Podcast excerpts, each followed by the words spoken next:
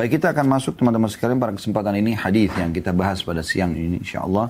Hadis nomor 489 yang berbunyi saya langsung bacakan dari Ka'ab bin Malik radhiyallahu anhu beliau berkata Rasulullah SAW bersabda ma dzibani ja'iani ursila ila ghanamin bi absadilaha min hirsil mar min hirsil mar'i 'ala al-mali wasyarafi lidinihi saya ulangi ما ذئبان جائعان أرسل في غنم بأفسد لها من حرص المرء على المال والشرف لدينه Dua serigala lapar yang dilepas pada kawanan kambing tidaklah lebih merusak bagi kambing daripada kerusakan terhadap agama yang ditimbulkan oleh ambisi seseorang kepada harta dan kedudukan. Diriwayatkan oleh Tirmidzi dan dia berkata hadis ini hasan sahih. Seperti biasa teman-teman sekalian, hadis ini kita berikan gambaran umum dulu maknanya, kemudian kita akan masuk mengorek mutiara yang ada di dalamnya. maknanya di sini adalah Nabi SAW memberikan perumpamaan bagaimana bahayanya ya eh, agama seseorang yang eh, atau bisa rusak karena ambisi terhadap harta dan jabatan ya. Di sini harta dan kedudukan.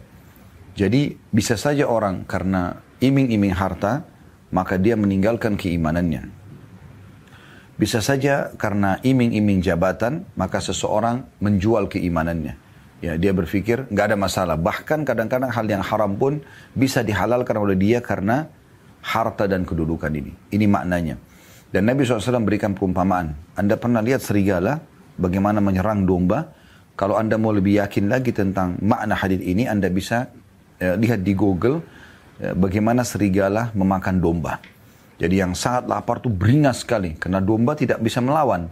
Walaupun domba misalnya ada yang lebih besar banding dari serigala, tetap serigala itu menyerang bagian leher bawah, menyerang bagian leher atas, kemudian mencabit-cabit daging e, domba tersebut ya dalam kondisi hidup dia memakannya. Ya. E, sampai domba itu mati dalam kondisi setengah badannya atau anggota tubuhnya sudah habis dicabit-cabit dimakan oleh serigala ini. Ya.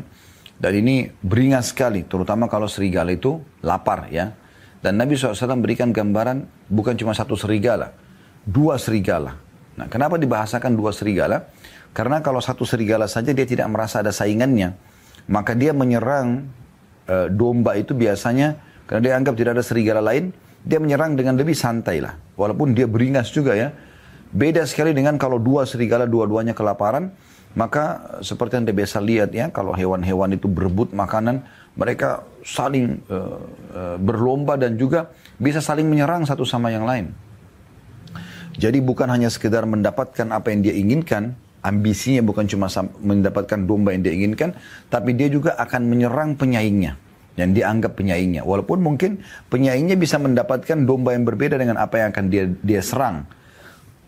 Tapi seperti itu gambarannya. Artinya seseorang itu pada saat dia sudah ambisinya adalah harta, sudah tidak mau tahu lagi tentang masalah halal haram, ambisinya adalah jabatan, bagaimana dia bisa menjadi ketua, ya, bagaimana dia bisa menjadi pemimpin, ya, maka dia akan terus menempuh jalan walaupun itu haram dalam agama.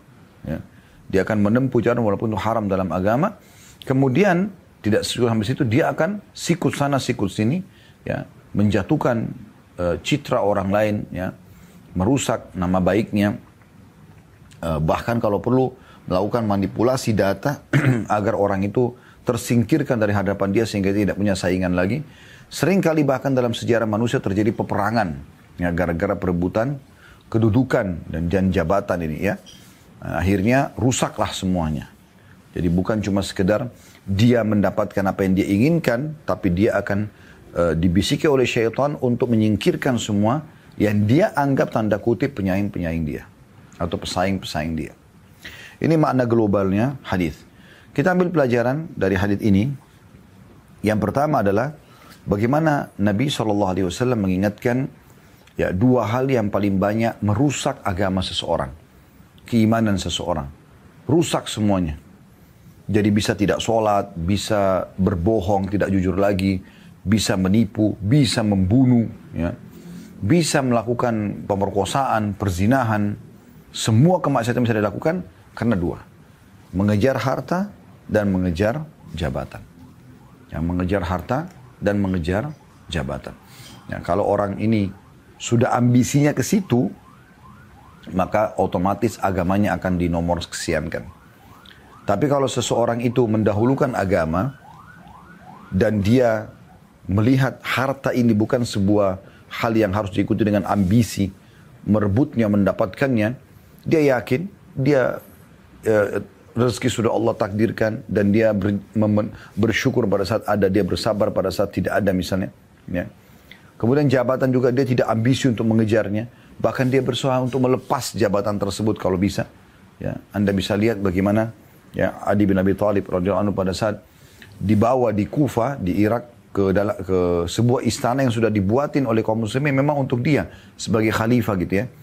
Tapi dia langsung melarikan diri dilihat oleh orang lalu dia mengatakan sungguh ini adalah rumah kesombongan ya dan kehancuran ini. Beliau tidak mau gitu. Bagaimana Umar bin Abdul Aziz rahimahullah begitu dinobatkan jadi khalifah ya, di masa kerajaan Umayyah uh, di tahun 99 sampai 101 dua tahun belum memimpin. Itu pada saat awal selesai dia sampaikan di mimbar tentang masalah dianya tidak mengharapkan jabatan ini tapi memang karena dipilih oleh kaum muslimin segala macam maka dia minta tolong kalau dia salah diingatkan kalau dia benar didukung ya. Setelah itu dia keluar lalu kemudian terdengarlah suara ya uh, keramaian begitu. Lalu kemudian dia keluar dia tanya apa ini Ternyata di depan depan masjid itu sudah ada kereta kencana khalifah, ya, dengan pengawal-pengawalnya gitu. Maka dia mengatakan apa ini? Kata pengawal uh, yang akan mendampingi beliau, ini kereta kencana Anda sebagai khalifah. Kami adalah semua ya uh, apa namanya pengawal-pengawal Anda.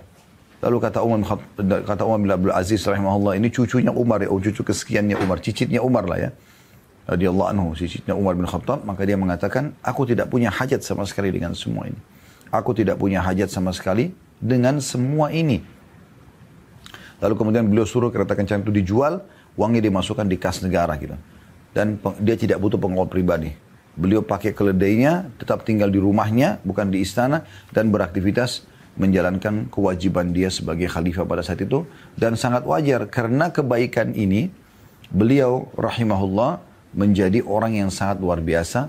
Eh, dalam dua tahun memimpin tidak ada lagi orang yang mau menerima zakat ya karena adilnya eh, rahimahullah.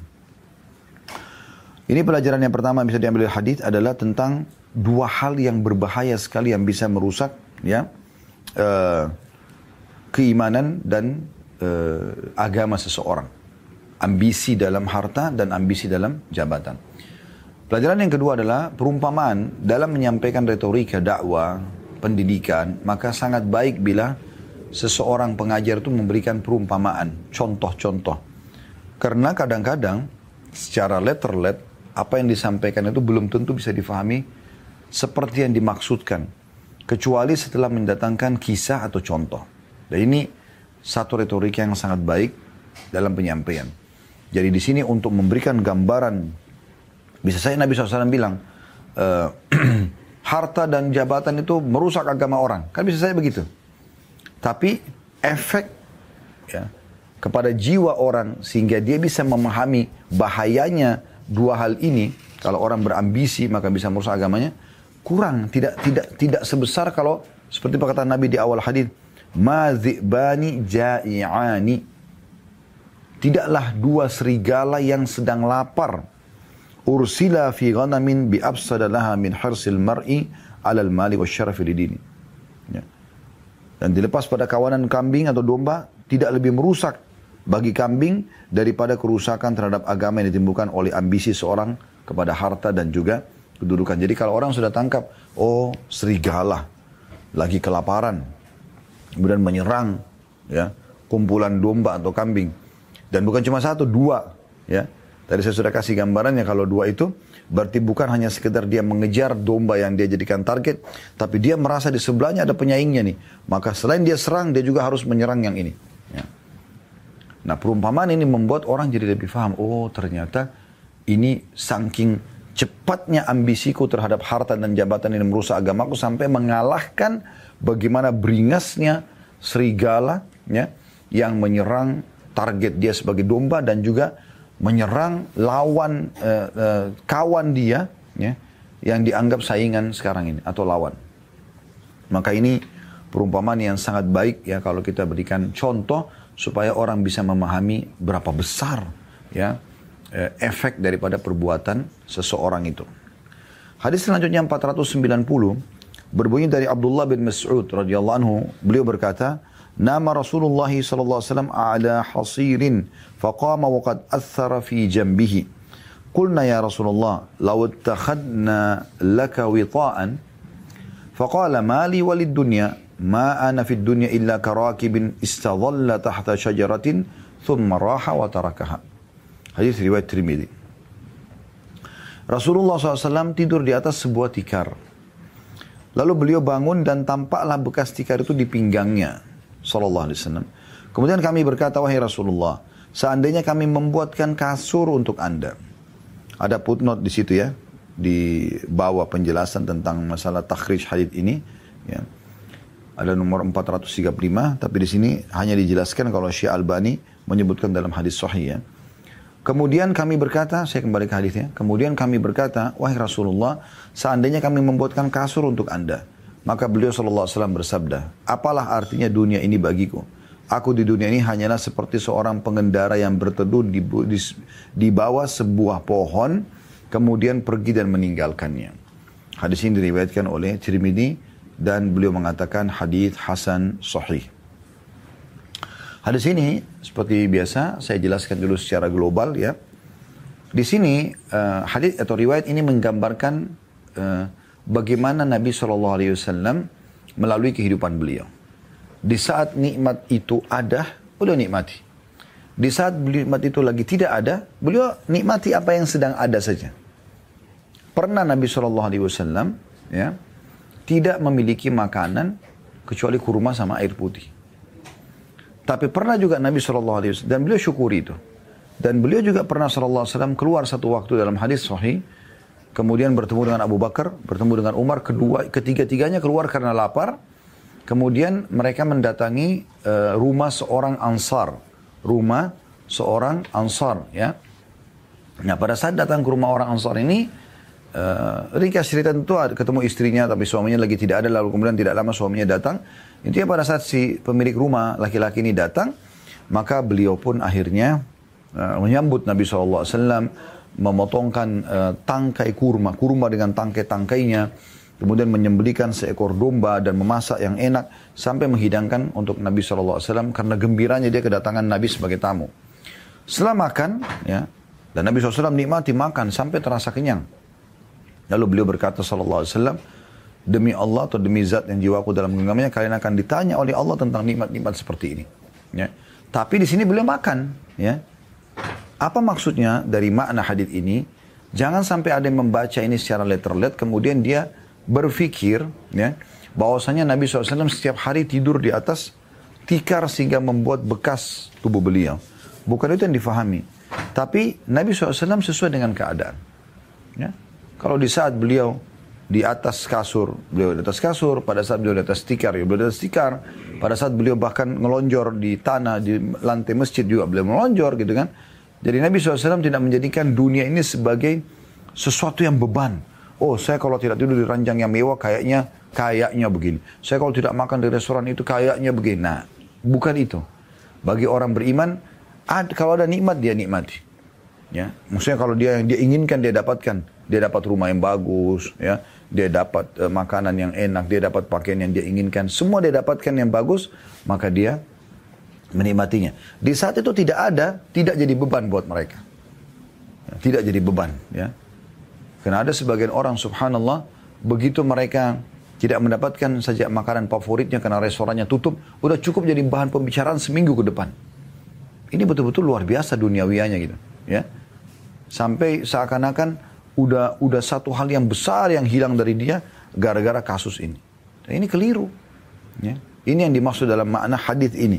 Jadi Nabi Wasallam memberikan gambaran karena sahabat sedang melihat beliau tidur di atas tikar. Kemudian pada saat itu sahabat niat baik menawarkan ya Rasulullah, mau nggak kami buatin anda kasur? Di saat itu langsung kami berikan anda kasur lah. Kata Nabi SAW, untuk apa saya dengan dunia ini? Artinya ada ini atau ada kasur. Sama aja gitu. Karena perumpamaanku dengan dunia seperti orang yang musafir, penat, mampir di bawah sebuah pohon, kemudian dia pergi. Artinya, bukan berarti aku akan hidup begini terus kok sampai mati, enggak. Ya di saat ada, Alhamdulillah, ini aku pakai. Di saat ada kasur juga aku pakai, tidak masalah. Itu makna globalnya hadis. Baik kita akan masuk teman-teman sekalian ke uh, mutiara-mutiara hadis.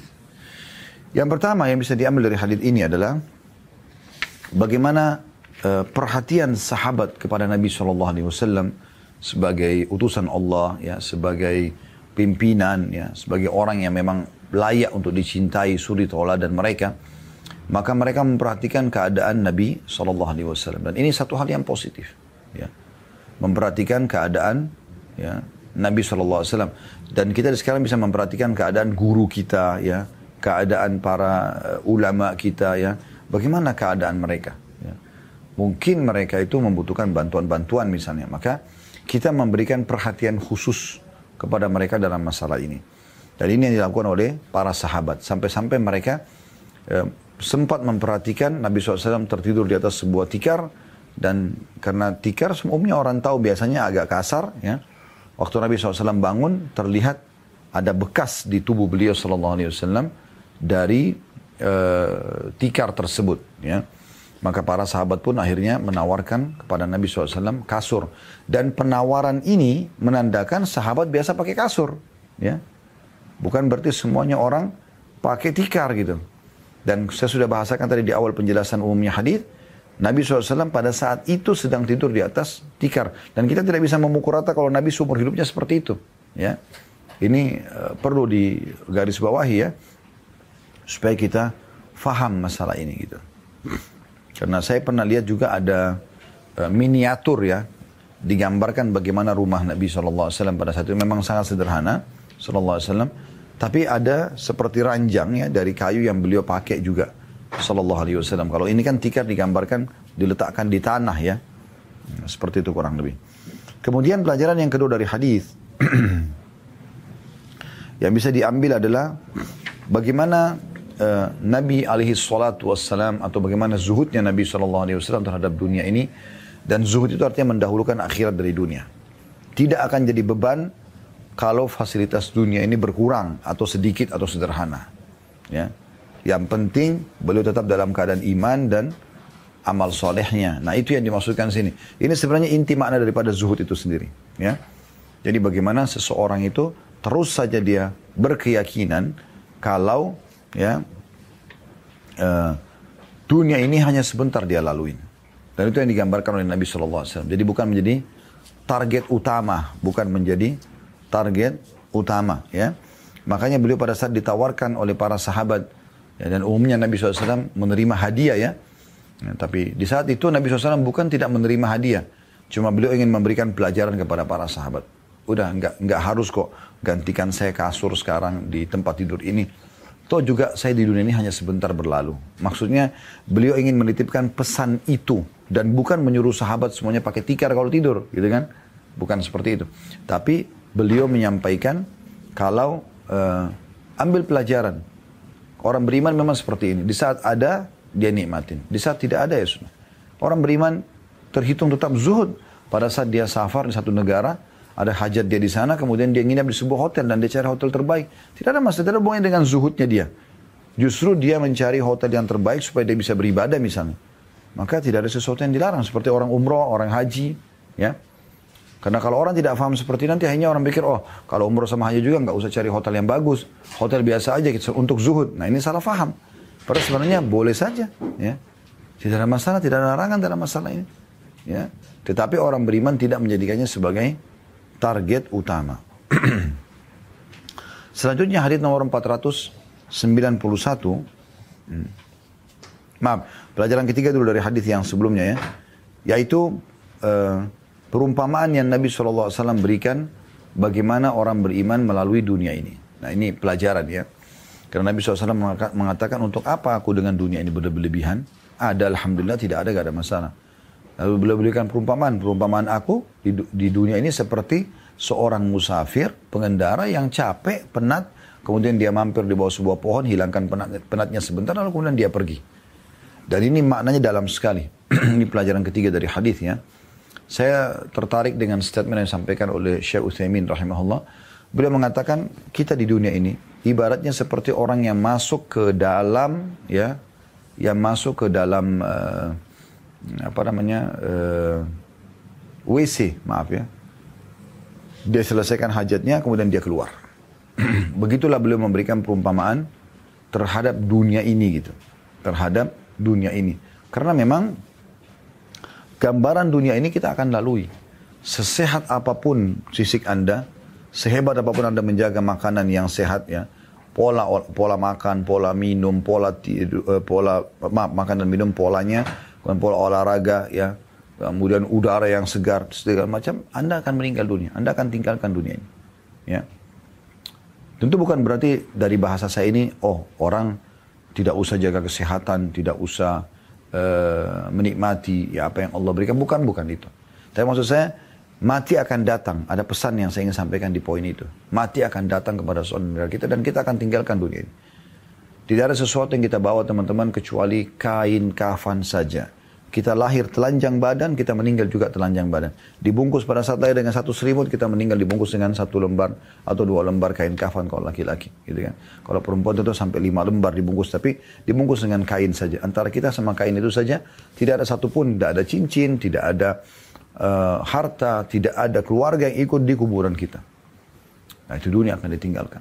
Makanya Nabi SAW memberikan gambaran sebagaimana sudah tadi kami paparkan. Hadis selanjutnya, Hadis nomor 491 dalam kitab Zuhud di dunia ini.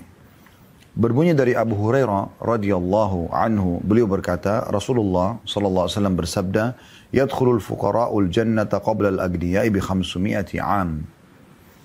Orang-orang fakir masuk surga 500 tahun sebelum orang-orang kaya. Diriwayatkan oleh Tirmidzi dan beliau berkata, hadis ini adalah hadis yang sahih. Baik, kita akan masuk ke globalnya makna uh, hadith ini dulu. Global makna hadith ini adalah bahwasanya orang-orang miskin akan Allah muliakan dengan masuk ke dalam surga lebih cepat daripada orang-orang kaya. Ya. Itu bisa bermakna karena Allah menghormati mereka, ya, memuliakan mereka karena selama dunia mereka hidup dalam kondisi susah, ya tapi ini bukan berarti di dalam surga nanti mereka lebih tinggi derajatnya daripada orang-orang kaya. Ya. Dan ini juga disebabkan karena mayoritas orang yang masuk surga memang umumnya orang-orang miskin. Ya. Kalau Anda lihat umat Islam ini, mayoritas kita ada orang kaya, tapi mayoritasnya orang-orang susah. Ya.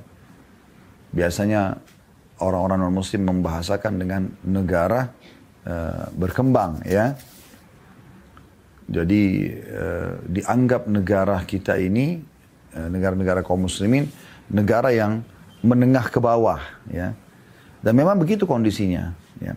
Jadi makna fakir di sini adalah umumnya kaum muslimin karena memang kita ini menjadi setengah bahkan lebih daripada itu kalau tidak salah dua per tiga penghuni surga dari umat Muhammad sallallahu alaihi wasallam.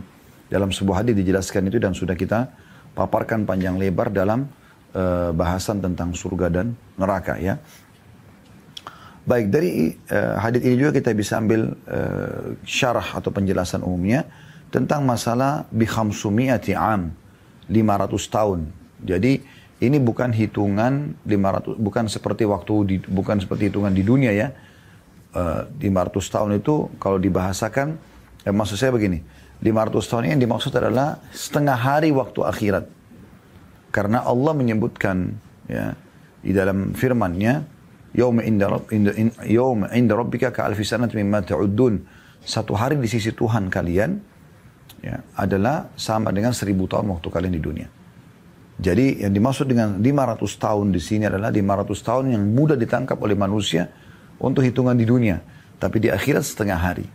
Di akhirat adalah setengah hari. Pelajaran yang bisa kita ambil dari hadis ini, yang pertama adalah Bagaimana Allah subhanahu wa ta'ala memuliakan orang-orang fakir yang mereka hidupnya susah gitu. Tapi mereka beriman kepada Allah. Jadi nggak cukup hidupnya susah ya. Tapi juga beriman kepada Allah subhanahu wa ta'ala. ya, itu untuk dimasukkan lebih dulu ke dalam surga dan tentu berarti lebih dulu menikmati ya surga tersebut sementara ada sebuah hadis yang menjelaskan akan didatangkan orang yang paling susah di dunia. Paling susah hidupnya di dunia ya. Didatangkan pada hari kiamat nanti. Kemudian dari ahli surga tapi dimasukkan satu celupan di dalam surga. Dimasukkan satu celupan di dalam surga. Kemudian dikeluarkan. Lalu ditanya apakah pernah kau menderita selama ini? Pernah nggak kau hidup susah selama ini? Maka dia mengatakan demi Allah tidak pernah. Jadi satu celupan di surga membuat semuanya penderitaan dunianya hilang. Misal 70 tahun dia susah, dia miskin, tapi dia orang beriman. Bagaimana anda biasa lihat mungkin kalau lagi azan, di Indonesia jadi Jakarta misalnya kita lihat. Pas lagi azan, banyak sekali penjual bakso, gorengan, ya, uh, penjualan mainan anak-anak mampir di di apa di depan masjid atau di belakang masjid lalu mereka tinggalkan dagangnya lalu kemudian mereka sholat dan sebaliknya orang-orang yang pakai Mercy, Alphard, mobil-mobil mewah lewat tapi nggak mampir sholat. Ya. Jadi memang banyak di antara mereka yang ya, orang-orang ya, miskin ini yang memang larinya ke agama. Ya, ya, seperti itu kurang lebih ya. Tapi sekali lagi ini bukan maknanya kalau orang kaya itu atau orang miskin akan mengalahkan derajat di surga nanti. Karena di surga itu nanti adalah amal-amalnya. Ada beda kasus masuk ke surga lebih dulu dengan nanti perbedaan derajat di surga. Ya. Abu Bakar orang kayanya sahabat, orang kayanya kaum muslimin. Bahkan kata Aisyah radhiyallahu anha, karena Abu Bakar atjar Quraisy hatta dakhara fil imar. Bahwasanya Abu Bakar adalah pedagang paling ulungnya orang-orang Quraisy sampai dia masuk ke dalam pemerintahan. Baru beliau tidak lagi sibuk dengan perdagangan tapi sibuk dengan tugas barunya gitu kan. Maka ini uh, kita bisa lihat Abu Bakar adalah orang yang dijanjikan Nabi SAW surga dan juga waktu Nabi SAW jelaskan setiap amal ibadah itu seperti uh, sholat itu punya istana, ya, ada camp istana, jihad itu ada, puasa itu ada, ya, ada pintu gerbang yang masuk dalam itu ada istananya. Lalu kata Abu Bakar ya Rasulullah, apakah ada orang yang punya istana di semua jenis-jenis ibadah itu? Sehingga dia bisa berpindah-pindah istana di surga nanti. Kata Nabi SAW, ada dan aku berharap kau termasuk. Padahal Abu Bakar orang kayanya sahabat gitu kan. Nah, ini bukan berarti nanti derajat dalam surga orang miskin akan lebih tinggi, enggak. Ini hadis jelas, riwayat ini menjelaskan bagaimana Abu Bakar sangat tinggi derajat di surga, gitu kan. Bahkan dikatakan Abu Bakar sama Umar kata Nabi SAW adalah pemimpin orang-orang dewasa di surga. Sebagaimana Hasan dan Husain radhiyallahu anhu cucu Nabi SAW adalah pemimpin anak muda di surga, ya. Nah, ini poin juga perlu digaris bawahi. Baik, eh, pelajaran pertama adalah bagaimana orang-orang miskin dimuliakan oleh Allah SWT dengan lebih dulu masuk surga, tapi bukan berarti mereka lebih tinggi derajat dari orang kaya, karena penentuan derajat nanti tergantung daripada amal-amal yang mereka kerjakan, gitu kan. Kemudian juga pelajaran yang kedua yang bisa diambil adalah uh, uh, waktu yang ditentukan, yaitu 500 tahun dan sudah kami jelaskan tadi 500 tahun ini artinya setengah hari waktu akhirat. Kita masuk ke hadis selanjutnya 492 berbunyi dari Ibnu Abbas dan Imran ibn Husain radhiyallahu anhuma dua sahabat ini. Dari Nabi SAW beliau bersabda ittala'tu fil jannati faraitu akthar ahliha al-fuqara wattala'tu fil nari faraitu akthar ahliha nisa. Aku menengok ke dalam surga maka aku melihat sebagian besar penduduknya adalah orang fakir. Dan Aku menengok ke dalam neraka, maka ternyata aku melihat sebagian besar penghuninya adalah perempuan. Ya. Hadis ini diriwayatkan oleh Bukhari dan Muslim. Demikian juga dengan nomor hadis 493 sama Imam Bukhari juga meriwayatkan hadis ini dari riwayat Imran ibn Husain. Jadi 492 sama 493 ini sama ya hadisnya diriwayatkan Bukhari Muslim dari dua nomor ini satu hadis ya. Secara umum, makna daripada hadis ini, Nabi SAW menggambarkan bahwasanya mayoritas penghuni surga ini adalah orang-orang fakir. Orang-orang fakir, ya. Dari kaum muslim atau dari orang-orang yang beriman. Dan itu menandakan memang uh, karena di dunia ini memang mayoritas orang miskin. Ya. Anda kalau lihat secara global, kalau dipresentasikan antara orang kaya sama orang miskin, orang sukses sama orang yang tidak sukses itu sedikit sekali. Uh, orang-orang miskin, orang yang sukses atau orang yang kaya itu lebih sedikit jumlahnya daripada orang yang miskin. Ya. Mungkin kalau dalam satu komunitas itu, di satu kota misalnya, atau satu kecamatan, kita akan temukan yang menonjol satu, dua, tiga orang kaya, sisanya orang-orang biasa saja. Ya. Jadi memang di dunia sudah kelihatan. Jadi makna di sini orang fakir lebih banyak, masuk bukan berarti kita disuruh jadi orang miskin, bukan. Tapi memang karena mereka mayoritas penduduk bumi, dan juga kalau beriman di antara mereka akan menjadi penghuni surga. Kemudian juga di neraka, ya, paling banyak penghuninya adalah wanita. Ini disebutkan dalam sebuah hadis yang lain tentang masalah itu ya. Kalau Nabi SAW mengatakan kepada para sahabat, uh, saya diperlihatkan neraka dan paling banyak penghuni adalah kalian. Kata seorang sahabat, kenapa ya Rasulullah kami? Kata Nabi SAW, karena kalian mengkufuri atau memungkiri kebaikan suami. Sampai kalau suami berbuat seabad ya kebaikan, kemudian kalian menemukan satu kesalahannya, kalian akan mengatakan, saya tidak pernah lihat kebaikan darimu sama sekali ya. Jadi ini umumnya makna daripada hadis ya. Baik kita masuk pelajaran pertama dari hadis bahwasanya Allah Subhanahu wa taala memuliakan para fuqara dengan menjadikan ya mereka ahli surga ya. Tentu syaratnya beriman kepada Allah. Dan memang orang-orang orang-orang miskin ini yang yang cuma mencari sesuap makanan. Anda pernah lihat di pinggir jalan ya, orang yang tarik gerobak, orang yang jalan, ngumpul-ngumpulin barang-barang bekas, ada ngorek-ngorek sampah bekas makanan orang.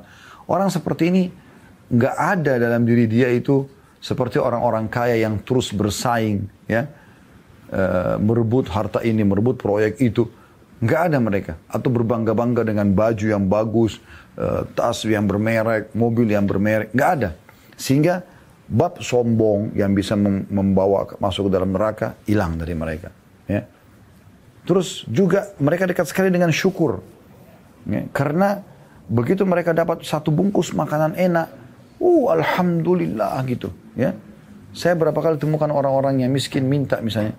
Begitu kita kasih bantuan, seperti dia udah mendapatkan sesuatu yang sangat mahal dalam hidup sampai pernah ada seorang ibu nangis-nangis gitu. Mau sujud syukur di jalanan. Hanya karena kita memberikan dia sebagian daripada apa yang Allah berikan kepada kita gitu ya. Tapi subhanallah ya, Eh, bagi mereka tuh sudah satu nikmat yang besar gitu. Nah jadi mereka lebih dekat dengan syukur daripada kufur nikmat.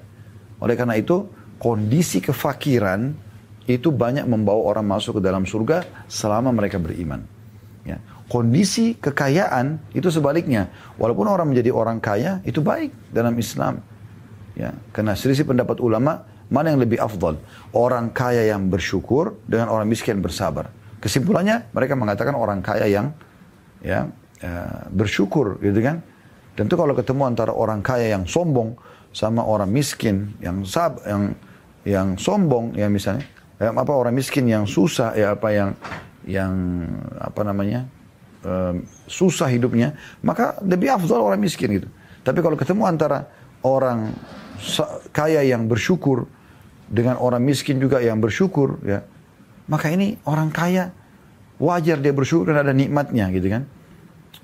Itu contoh. Atau orang orang kaya yang bersabar dengan cobaan dengan orang miskin yang bersabar, ini akan lebih besar pahalanya orang kaya karena dia memang dia sebenarnya bisa mampu dengan kondisi dia untuk keluar sehingga tidak perlu melalui uh, apa yang sedang terujikan pada dia. Tapi dia tidak tidak lakukan itu misalnya. Tapi itu pun jarang terjadi ya. Intinya teman-teman sekalian, di sini yang sedang dibahas adalah karena kondisi kefakiran merupakan mayoritas penduduk bumi ini. Dan kalau mereka beriman, maka mereka menjadi penghuni surga. Dan bukan berarti orang kaya tidak masuk ke dalam surga. Sudah kami berikan contoh itu. Bagaimana juga sahabat-sahabat yang jamin masuk surga. Abu Bakar, orang kaya. Uthman, orang kaya. Abdurrahman bin Auf, orang kaya. Zubair bin Awam dan Talha, orang kaya. Orang-orang kaya, Sa'ad bin Waqqas, orang kaya. Ya. Ini jangan masuk surga gitu. Kemudian pelajaran yang kedua yang bisa kita ambil adalah bagaimana peringatan tegas dari Nabi SAW kepada para wanita. Dan sudah kami jelaskan tadi di penjelasan hadis ini, kalau yang dimaksud dengan hadis ya adalah ya, yang dimaksud dengan hadis di sini uh, mereka yang kufur kepada kebaikan suami. Karena sudah dijelaskan dalam hadis yang lain gitu kan. Nabi SAW langsung bilang, Aku diperlihatkan neraka dan paling banyak penghuninya dari kalian. Di depan Nabi itu mayoritasnya perempuan pada saat itu. Sampai ada yang bertanya, ya Rasulullah, kenapa kami? Kata Nabi SAW, karena kufur. Ya, terhadap kebaikan suami. Dalam riwayat lain, Ada sahabat yang menanyakan, eh, kata Nabi SAW, karena mereka kufur. Kata para sahabat, apakah mereka kufur kepada Allah? Kata Nabi SAW, tidak. Tapi mereka kufur terhadap kebaikan suaminya. Ya, kebaikan suami. Dan ini banyak sekali wanita terjerumus dalam masalah ini. Sampai kadang-kadang dia melupakan lima tahun, sepuluh tahun suaminya menaungi dia, memberikan dia makan, memberikan dia minum. Tapi dia lupakan semua itu hanya dengan dia kecewa dengan satu kejadian. Hanya karena cemburu dengan mertuanya hanya karena cemburu dengan iparnya, hanya karena cemburu dengan madunya istri yang lain misalnya.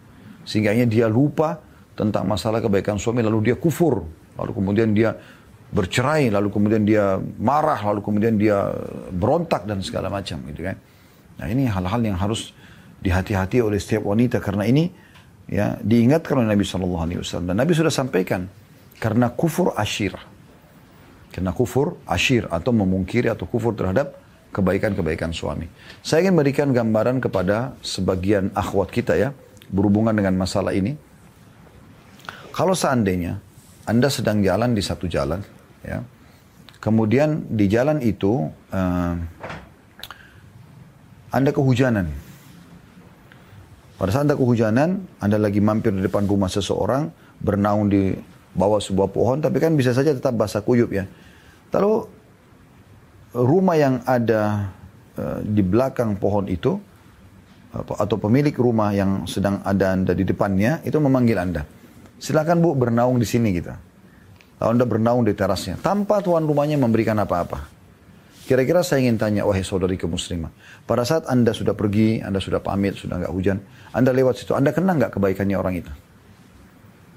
Saya yakin kalau hati nurani anda masih baik, ada keimanan, akal Anda masih sehat, Anda akan mengatakan, oh rumah ini penghuninya, eh, pemiliknya baik loh. Saya pernah kehujanan lalu kemudian saya dinaungi, ya, diberikan naungan. Bagaimana kalau tuan rumahnya ajak ngobrol Anda, tentu misalnya ibu-ibu juga misalnya contoh ya, supaya lebih jelas khususnya syar'inya. Saya ibu-ibu juga yang menawarkan, silakan bu duduk sini. Lalu ditawarkan sama dia teh hangat, dikasih pisang goreng, dikasih kue-kuean, sampai Anda pergi. Kira-kira bagaimana Anda mengenang kebaikannya pemilik rumah tadi? Saya yakin dengan hati nurani, dengan pikiran sehat kita, kita akan akan mengatakan oh, orang ini baik sekali. Bahkan kalau perlu kita ambil nomor teleponnya, kita berteman sama dia karena kebaikan dia. Padahal dia cuma satu kali memberikan kita fasilitas pada saat hujan itu. Coba bayangkan teman-teman sekalian. Bagaimana dengan suami yang setiap hari dia bekerja dan kewajiban dia memberikan nafkah hanya setiap hanya hanya harian. Kayak saya sebagai suami, saya punya kewajiban memberikan makan dan kebutuhan hari ini. Ya, Besok bukan kewajiban saya kalau saya sudah meninggal. Kalau saya masih hidup saya punya kewajiban lagi. Tapi berapa banyak suami yang memenuhi kebutuhan istri satu bulan langsung. Padahal nafkah yang diberikan itu bertemu dengan masalah pelayanan yang baik kepada suami kan gitu. Sekarang suami sudah berkorban dengan begitu luar biasa. Anda tidak bisa mengenang itu? Ya. Ini kan satu hal yang luar biasa. Sekali saja haus kita bisa hilang karena dihilang oleh seseorang, sudah cukup kita berterima kasih sama dia seumur hidup kita kalau perlu. Bagaimana dengan suami yang setiap hari kita kalau haus tinggal ambil di dispenser minum air. Mau teh, mau kopi, mau susu semua di rumah ada disiapin. Mau mandi di kamar mandi semuanya ada air jalan, ada handuk, ada sampo, ada sabun. Ya. Ngantuk tinggal tidur. Dan tugasnya sederhana. Azan sholat. Suami datang tinggal layani. Ada anak tinggal didik dengan baik. Mati masuk surga. Kan sederhana sekali. Tapi banyak muslimah yang keluar dari jalur ini karena mereka tidak mau memahami tentang nikmat Allah yang melimpah pada mereka. Dua buah hadis yang terakhir teman-teman sekalian kita tutup bab ini sekaligus ya. Uh, bab ke-55 tentang masalah zuhud di dunia. Yaitu hadis nomor 494 yang berbunyi dari Usama bin Zaid radhiyallahu anhuma. Usama dan Zaid, ayahnya dua-duanya sahabat. Dari Nabi SAW beliau bersabda, Kumtu ala babil jannah, fakana ammatum man dakhala hal masakin, wa ashabul jaddi mahbusun, ghaira anna ashaban nari qad umi, qad umira bihim ilan nar. Saya berdiri di pintu surga, ini kata Nabi SAW ya, kebanyakan yang memasukinya adalah orang-orang miskin, sedangkan orang-orang kaya masih tertahan. Hanya saja para penghuni neraka telah diperintahkan untuk dimasukkan ke neraka. Hadis ini riwayat Bukhari dan Muslim. Kata Imam Nawawi penjelasan hadis ini juga akan disebutkan pada bab keutamaan orang-orang yang lemah atau bab ke-32 ya. Atau telah disebutkan di bab nomor 32 tentang keutamaan orang-orang yang lemah. Hadis ini secara global maknanya adalah Nabi SAW ya, telah diperlihatkan apa yang akan terjadi nanti dan itu memang sebuah mukjizat dari Allah Subhanahu wa taala. Beliau diperlihatkan apa yang akan terjadi nantinya. Nah, yang terjadi adalah beliau diperlihatkan yang mayoritas masuk surga nanti orang-orang miskin. Mana orang kaya ada tapi masih tertahan. Nah, di sini bahasan ulama tentang kenapa orang-orang kaya tertahan. Ada yang mengatakan karena masih menyelesaikan hal-hal yang nyangkut ya di dunia. Bukan lagi di timbangan amal karena nanti pintu surga tidak akan dibuka kecuali orang beriman sudah kumpul semua depan pintu surga. Lalu Nabi SAW adalah orang pertama mengetuk pintu surga. Nah di situ mereka akan masuk ya. Jadi timbangan amal sudah selesai. Tapi apa yang diselesaikan di depan surga itu adalah pembersihan sisa-sisa permasalahan yang masih ada. Nah, biasanya orang miskin sudah tidak punya masalah, makanya mereka masuk duluan. Gitu kan? Misal contoh, si A sama si B, dua-duanya masuk surga. Tapi di timbangan amal, sebelum berdiri di depan surga, untuk masuk ke dalam surga, mereka sempat berselisih. Karena si A pernah mencaci maki si B. Lalu kemudian, misalnya dia punya 10 ribu, 1000 pahala. Diambillah 100 pahala dia diberikan kepada si B karena dia berbuat pernah menggunjingnya atau memfitnahnya. Lalu kemudian tersisa 900 pahala dari 1000. Tapi dosa dia cuma 200, berarti kan dia masuk surga. Cuma ada yang ganjal di hati dia nih. Karena 100 pahalanya sempat diberikan kepada si B. Si B karena tadi pahalanya e, bertambah 100 dia masuk surga. Sama-sama masuk surga nih. Nah sebelum masuk surga orang-orang seperti ini harus diselesaikan dulu. Kata Allah SWT, وَنَزَعْنَا مَا فِي قُلُوبِ min ghil. Kami angkat dari hati mereka semuanya perselisihan sudah nggak ada lagi. Baru mereka bisa masuk surga. Ya, baru mereka masuk ke dalam surga, gitu kan? Dan itu pernah Ali bin Abi Thalib berkata pada saat beliau menemukan jenazahnya Zubair, beliau mengatakan, ini ayat ini juga termasuk antara aku dengan Zubair gitu ya. Nanti akan masuk surga bersama-sama, tetapi memang akan melalui proses itu dulu. Nah orang-orang miskin umumnya, sebagaimana saya kata tadi memberikan saya berikan gambaran kepada anda, mereka sibuk dengan sesuap makanan. Jadi hampir bisa dikatakan tidak ada waktu mereka untuk sibuk dengan yang biasanya membuat dosa bagi orang-orang kaya ya. Persaingan uh, dalam uh, penampilan dalam makanan dalam harta jabatan ya. Saling menjatuhkan menggunjing memfitnah uh, apalah uh, menjatuhkan uh, dan segala macam hal. Nah, ini dari orang miskin tentu jauh. Nah, ini makna globalnya ya. Tapi orang-orang kaya akan ada karena orang-orang kaya mereka masih mahbusun atau mereka masih tertahan hanya tadi seperti yang saya jelaskan untuk menyelesaikan dulu sisa-sisa perkara. Tapi pada saat masuk surga tetap Allah adil memberikan sesuai dengan derajat masing-masing. Bisa saja orang kaya itu jauh lebih tinggi derajatnya daripada orang miskin ya. Eh, kemudian dalam hadis juga ini diberikan gambaran global pada saat itu seluruh ahli neraka sudah masuk ke dalam neraka. Berarti memang pembicaraan ini khusus untuk ahli surga saja. Di depan pintu surga mereka pada saat mau masuk orang miskin duluan baru kemudian orang kaya. Ya, orang-orang neraka sudah masuk ke dalam neraka. Itu kurang lebih makna globalnya hadis.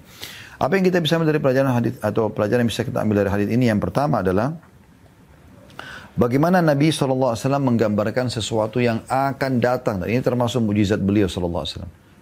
Jadi mujizat Nabi itu ada dua. Ada yang bersifat informasi, baik itu informasi tentang sesuatu yang telah lalu seperti kisah tentang umat-umat sebelum kita, informasi yang sedang terjadi di masa beliau, dan informasi yang akan terjadi nanti Ya, di masa beliau seperti misalnya beliau mengatakan kita akan memenang menembus Khaybar dan betul terjadi. Kita akan masuk menembus Mekah dan betul terjadi, gitu kan?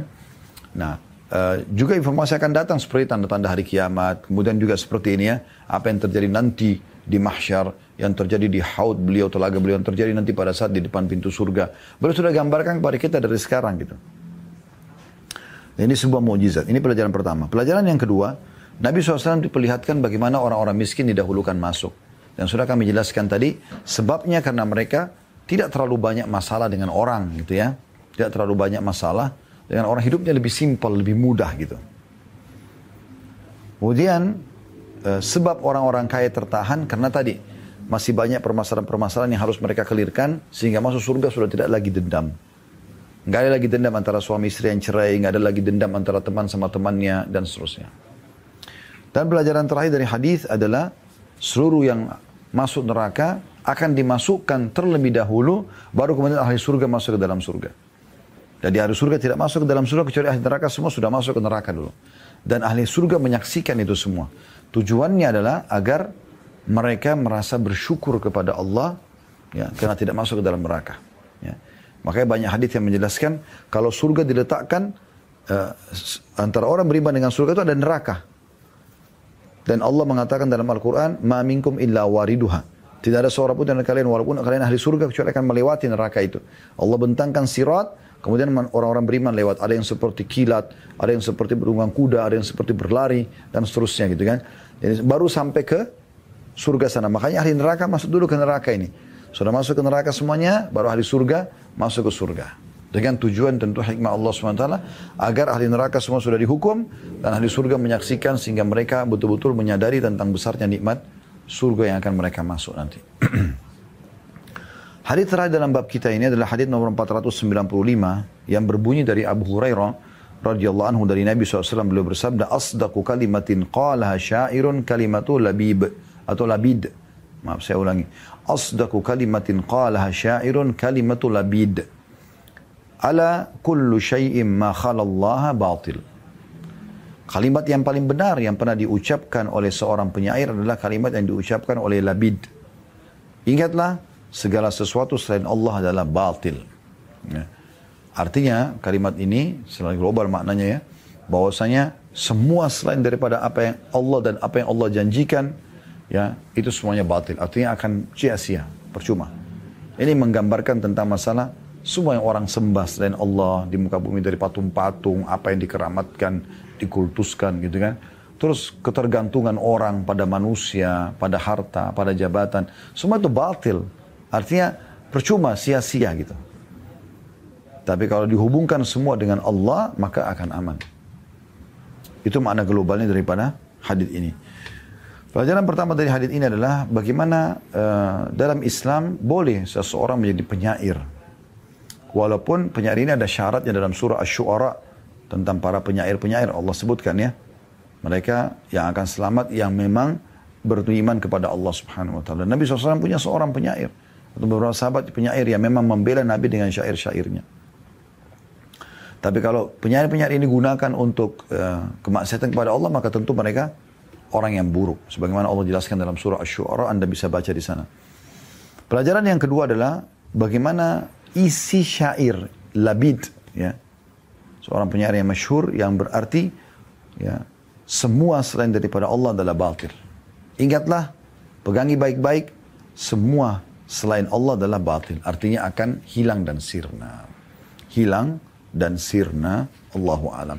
Ini bahasan kita teman-teman sekalian dan alhamdulillah dengan uh, selesai kita membaca hadis nomor 495 berarti kita juga sudah menyelesaikan bab ke-55 tentang masalah zuhud di dunia. Dan insya Allah kita akan masuk mirip babnya ini ya. Uh, bab ke-56, bab keutamaan lapar dan hidup sederhana. Merasa cukup dengan sedikit makanan, minuman, pakaian, dan bagian-bagian jiwa lainnya. Serta meninggalkan keinginan hawa nafsu. Sebenarnya mirip dengan makna zuhud. Tapi saya tidak tahu kenapa Imam Nawawi rahimahullah menyendirikan bab ini. Dan kita kena bedah buku, kita akan jalan sesuai dengan uh, isi bab ini tentunya.